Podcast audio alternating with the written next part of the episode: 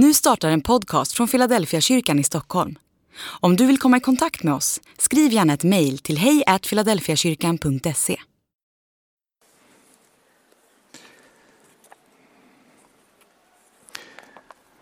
Under några veckor så har vi temat En kyrka för alla. Vi önskar att bli en kyrka för många fler stockholmare. För våra grannar, för våra kollegor, för våra vänner, för våra släktingar. För nysvenskar, för de som är födda i Sverige och uppväxta här. För de som eh, har tron som någonting väldigt naturligt, men också för de som känner att det är främmande eller onaturligt med tron än så länge. Vi vill berätta om och peka på Jesus. I evangelierna så säger Jesus om sig själv att om ni ser mig så har ni sett Gud Fadern. Med andra ord, så som Jesus bemöter människor i evangeliet, så bemöter Gud oss. Och vi förstår vem Gud är, hur Gud ser på oss människor när vi ser Jesus i hur han möter människor i evangeliet. Det var någonting med atmosfären kring Jesus som skapade nyfikenhet men också en längtan för människor att dra sig nära honom. Han fördömde inte människor och han förminskade inte människor. Det var inte skuldbeläggande. Det var något befriande i hans närvaro, fullt av nåd och kärlek. Han visade både nåd och barmhärtighet mot syndare och konfronterade religiösa hycklare. Så det var lite omvänt mot vad man kanske kunde förvänta sig.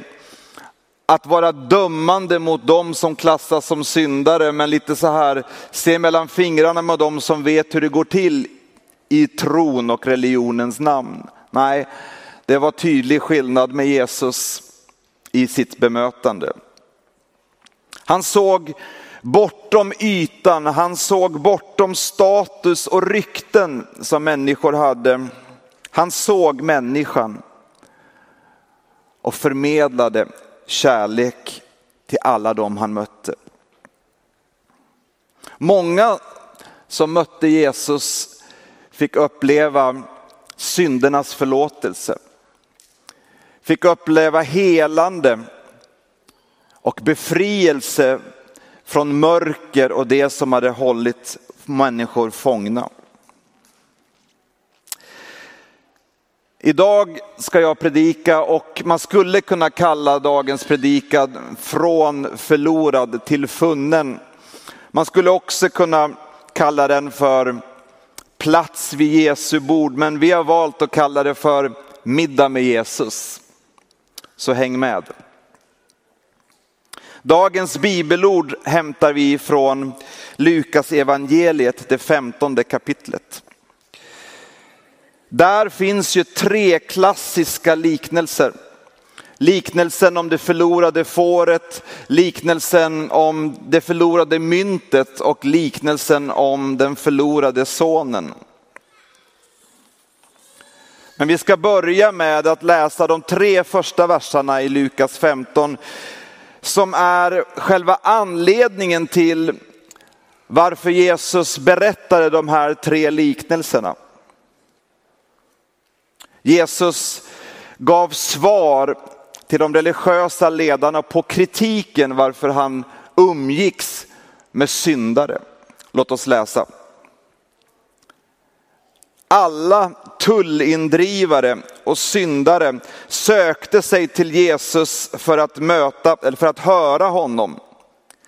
Fariseerna och de skriftlärda förargade sig och sade, den mannen umgås med syndare och äter med dem.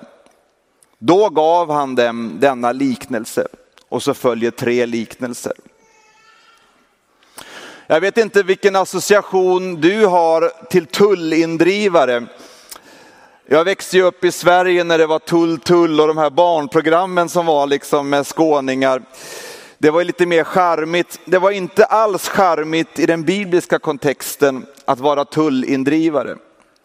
Israel var ockuperat av romarna och de som arbetade som tullindrivare arbetade åt ockupationsmakten. Fick en status och en position som inte alltid hade uppföljning och kontroll som i det svenska samhället som är ett av de minst korrumperade samhällen, utan i den miljön så hade tullindrivare också ett rykte om sig att utnyttja sin ställning för mutor och kanske stoppa en del i fickan. De var inte populära. Vi har ju ingen historia i Sverige, vad jag kan minnas på många hundra år av att ha varit ockuperade och behövt tvingas att ta ställning om hur man ska förhålla sig som svensk till det. Våra grannländer runt omkring oss har minnen redan bara sedan andra världskriget vad det innebär att vara ockuperade och hur det kändes för dem som då valde att arbeta för eller på något sätt stöttade ockupationsmakten i ett sådant läge. Det var spänning i atmosfären. Det var de människorna som drogs till Jesus och han åt och drack med dem. Sen står det uttrycket tullindrivare och syndare. Det står inte vem eller vad som definierade dem som syndare, men eh, det kan säkert vara så att det var andra som talade om dem som syndare. Det fanns säkert de också som eh, såg sig själva som syndare och var mycket medvetna om sin egen synd.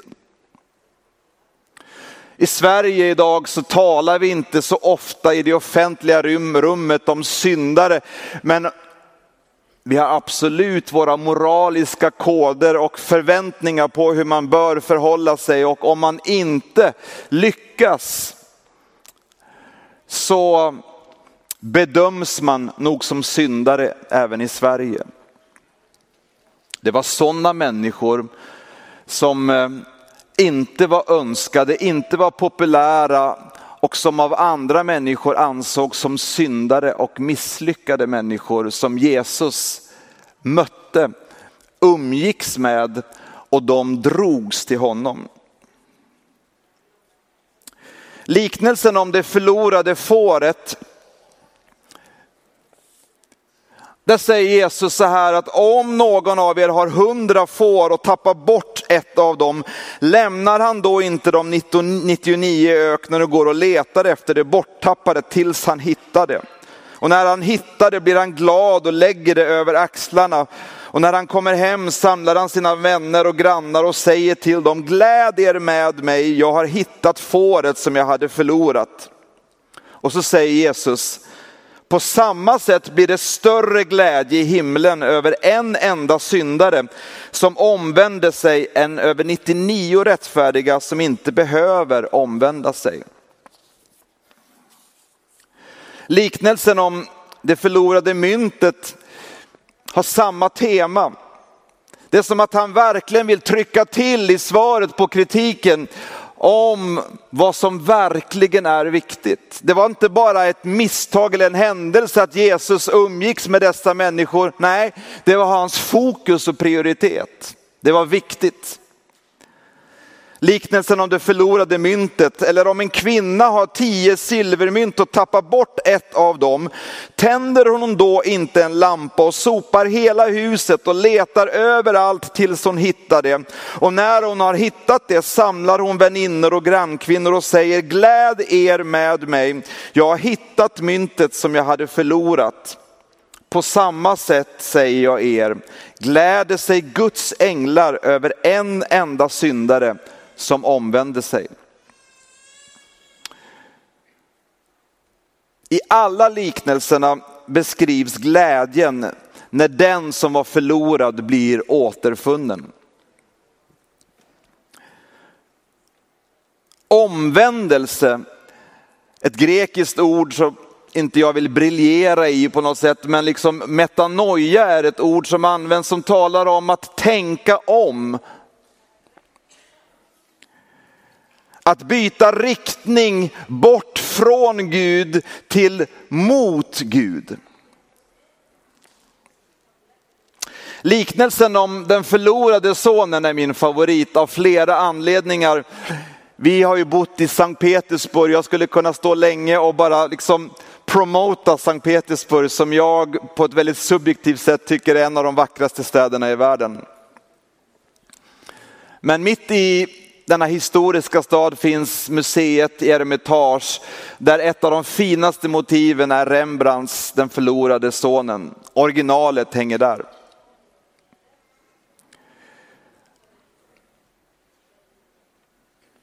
I liknelsen om den förlorade sonen så läser vi att han kom till besinning.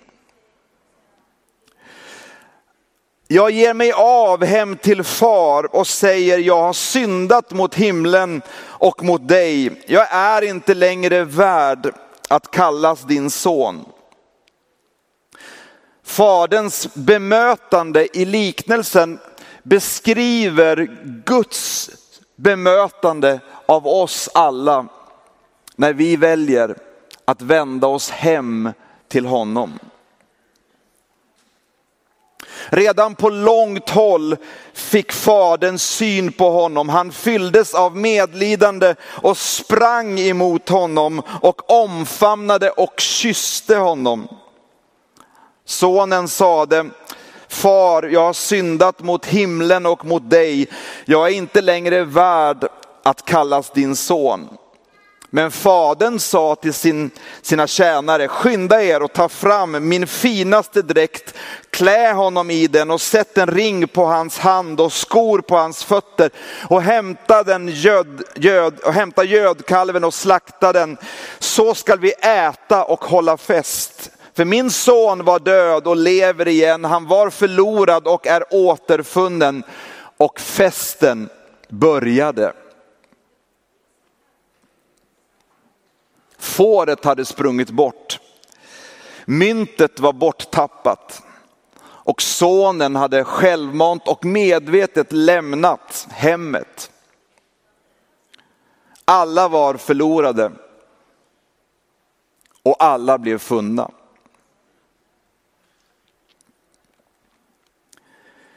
Lukas evangeliet har fler berättelser med samma tema. Det finns berättelsen om när det var fest hemma hos tullindrivaren Levi. På samma sätt så kritiserar de religiösa ledare honom för att alla tullindrivare och syndare åt och drack tillsammans med Jesus och lärjungarna.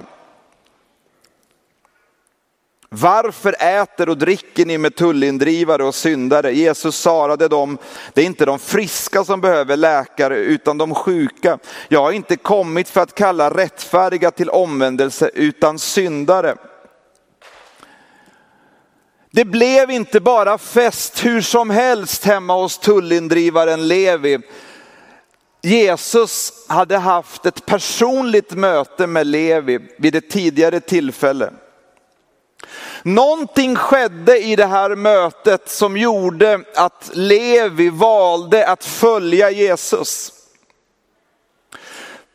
Det var som att det blev en helomvändning i hans liv och nu hade glädjen kommit in i hans liv och han ville bjuda på fest till Jesu ära och bjöd in alla sina vänner.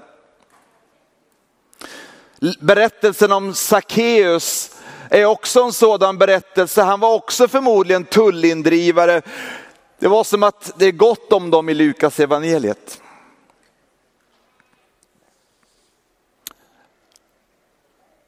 Sackeus såg sig inte som värdig att få möta Jesus, men Jesus såg honom och sa kom ner från trädet, jag vill komma hem till dig. Han bjöd sig själv hem till Sackeus. Han hoppade ner Sackeus och var mycket glad står det. Och sen händer någonting i mötet med Jesus där hemma som får den kanske korrumperade Sackeus bli helt förvandlad till en väldigt generös människa. Det sker någonting i mötet med Jesus. Det blir inte fest bara hur som helst. Det är fantastiskt för oss att kunna samlas så här som vi gör idag. Det är fest, gudstjänst, att få fira gudstjänst, att få be och lovsjunga, att få lyssna till Guds ord, att få ta emot förbön och nattvard. Det är kyrka. Men Jesus vill också inte bara samla oss utan också sända oss ut. I det tionde kapitlet i Lukas evangeliet så står det om när han samlade sina lärjungar för att sen sända dem ut två och två till de platser och till de städer dit han ämnade sig, dit han var på väg själv. Med andra ord, Jesus vill sända oss före sig själv till de människor dit han är på väg. Det finns människor runt omkring oss i Stockholm, i Sverige och ute i världen som Jesus är på väg till. Så som Jesus var på väg till Levi eller Sackeus.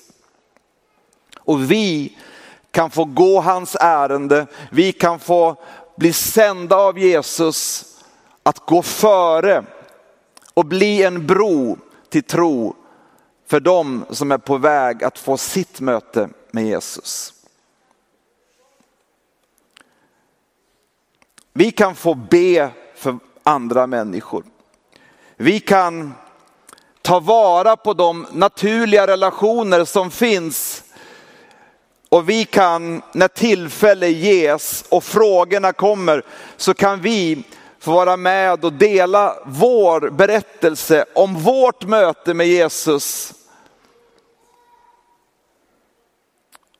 Ibland kan det ta år innan någon ens ställer frågan och vi har inte, vi ska inte pusha eller vara någon slags säljande i detta, men bedjande i detta och medvetna efterföljare till Jesus i det att det finns människor runt omkring oss som Jesus är på väg till. Och vi kan få bli en bro till deras tro på Jesus. För flera år sedan när jag bodde i Malmö så arbetade jag på Dell, ett dataföretag och jag hade kontoret i Köpenhamn och pendlade med tåget över bron. Och eh, ryktet gick att jag tidigare hade jobbat i kyrkan, så nu hade pastorn kommit till, till liksom kontoret. Vi var ungefär 600 på kontoret och jag märkte att man pratade om mig, men det var ingen som ville prata med mig om detta med min tidigare roll. Jag bad för mina kollegor, speciellt de som var i mitt team och där jag hade mitt kontor. Och man står där på rökpausen eller man står där vid lunchen och man står och hänger med sina vänner och man hakar på på after work. Och, och jag var bedjande i flera år. Ge mig något tillfälle när någon vill fråga så att jag kan få dela med mig om det som betyder så mycket för mig att som har verkligen förvandlat mig, mitt möte med Jesus. När det var dags för mig att säga upp mig och min manager skickade ut mejlet till allihopa att idag så lämnar Andreas oss och går tillbaka dit han hör hemma, skrev han. Han ska bli pastor igen. Då kom det en kö av människor som sa liksom, vi har eh, studerat dig noggrant under de här åren. Men jag fick aldrig något tillfälle att dela mitt, min berättelse om vad Jesus hade gjort för mig. Sen när vi flyttade till Ryssland några år senare, då på Facebook får man ett meddelande om, nu går jag alfakurs. Eller jag har börjat gå i kyrkan. Vi vet aldrig vilken roll du och jag kan få spela i någons liv på sin väg till Jesus. Men vi kan alla be och vi kan alla bli medvetna i de relationer vi har i vardagen med en längtan efter att frågorna ska väckas. Jesus skickade ut dem två och två. Det är bra att vara team. Jag minns när jag bodde i Sankt Petersburg i början så sa jag till Sergej som var en av våra medlemmar, eller han sa till mig, jag ber för min chef Alexander. Han skulle behöva Jesus. Jag tror ju att vi alla skulle behöva, men han upplevde väl att han verkligen skulle behöva Jesus. Så kom vi överens om att be för Alexander. Och så sa jag till Sergej, om du vill kan du ju säga det till Alexander att du går i kyrkan och att du, att, eh, att du har faktiskt berättat för din pastor att, att eh, vi ber för, hon, för, för Alexander. Får du se hur han reagerar och så kan du ju säga någon gång till sen att om Alexander skulle vilja ha ett samtal med en pastor så är det bara att höra av sig till Sergej. Så vi fortsatte att be. Och sen så en dag så ringer Sergej, nu vill Alexander möta dig. Och då förstod jag att nu blir det ett sådant samtal. Alexander som var en av de ledande businessmännen i Sankt Petersburg skickade sin privatchaufför och jag fick hoppa in i en fin Mercedes och var lite spänd över vad som nu skulle hända. Och på ett enkelt café i Sankt Petersburg så frågade han, får jag bekänna mina synder? Jag skulle vilja börja följa Jesus. Vi vet aldrig vilken roll vi får vara med och spela i någon människas väg och resa mot Jesus. Men vi kan alla be och vi kan alla bara göra något, kanske berätta om att vi går i kyrkan och kanske till och med att vi ber.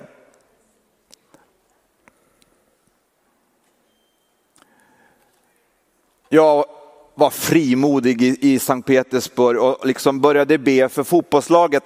Det har ju att göra med att jag också gillar fotboll, det måste jag erkänna. När vi bodde i Malmö så var det några brasilianare och någon från Nigeria som spelade i laget och det här är ju liksom, det är förra millenniet, det är länge sedan. Men de, när de, var, de var så frimodiga och när de hade gjort mål och blev intervjuade efteråt så berättade de alltid om Jesus. Det, var liksom, det kan ju vara ganska jobbigt för oss svenskar men charmigt om man kommer från Brasilien eller Nigeria på något sätt. Och jag tänkte så här, varför skulle inte det kunna vara så också i Sankt Petersburg med Zenit, med laget som är med i Champions League, att de också tror på Jesus och talar om honom naturligt. Så vi bad frimodigt för laget på temat med det här med middag med Jesus. Jag är på väg att landa. Så minns jag när lagkaptenen i Zenit ringer mig och säger, du det är middag med, med spelarna, de internationella spelarna, vi ska mötas på middag. Min, mina söner har barnkalas men vi, vi, vi, vi har lite roligt vid sidan om. Kom du också vara med?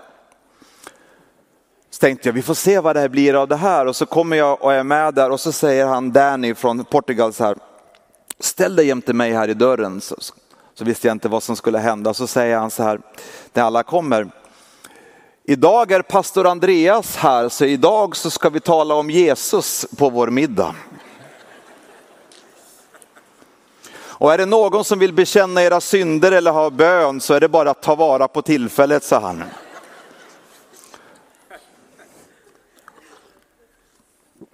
Det blev en väldigt speciell middag.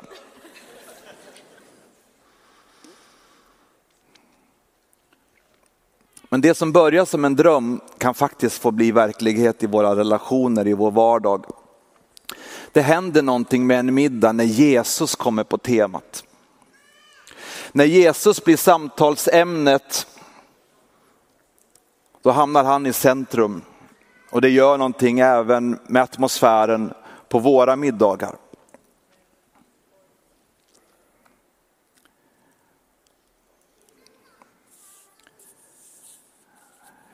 Jag vet inte hur det är med dig, men ofta så känner man sig väldigt liten inför det som kommer till att få berätta eller tala med våra vänner och de runt omkring oss. För vi vill inte vara i vägen för människors möte till Jesus.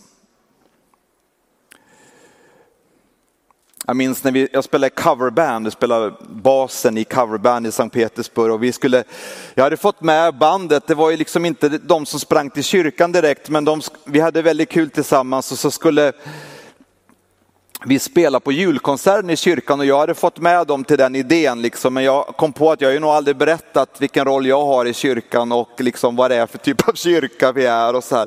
så jag tänkte innan de kommer till kyrkan så det inte blir en chock att där kommer det vara människor som känner mig på ett sätt som känns lite konstigt kanske för dem.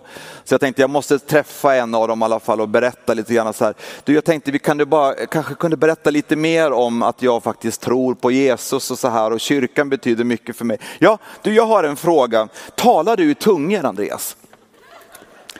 Ja, det gör jag. Ja, men förklara, hur går det till? Och då liksom satte det ribban på samtalet så där, sen var det inte så nervöst de andra frågorna i samtalet. Det är inget man kan forcera det där, det är ingenting vi ska hålla på och pusha. Men det som betyder så mycket för oss, det vi själva har fått vara med om, ett möte med Jesus. Det längtar vi ju efter också att andra ska få ta del av runt omkring oss. Och vår bön och längtan är att vi ska också få bli mer lika Jesus i att förmedla den atmosfär som han spred runt om sig.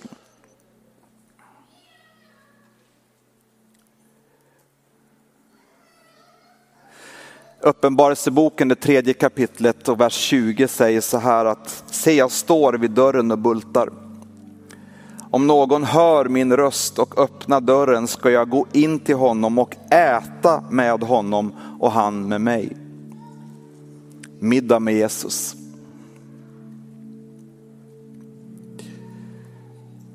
I psalm 23 så står det att Herren dukar ett bord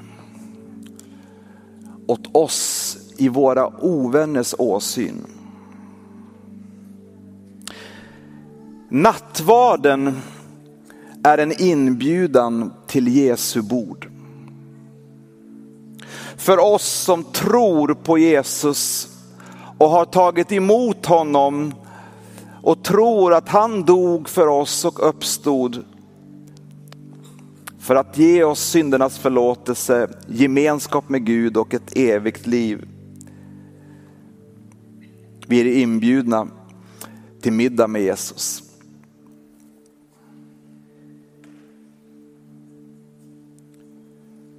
Kyrkan är en plats för alla. Du och jag kan få bli en bro för att människor ska finna sin tro.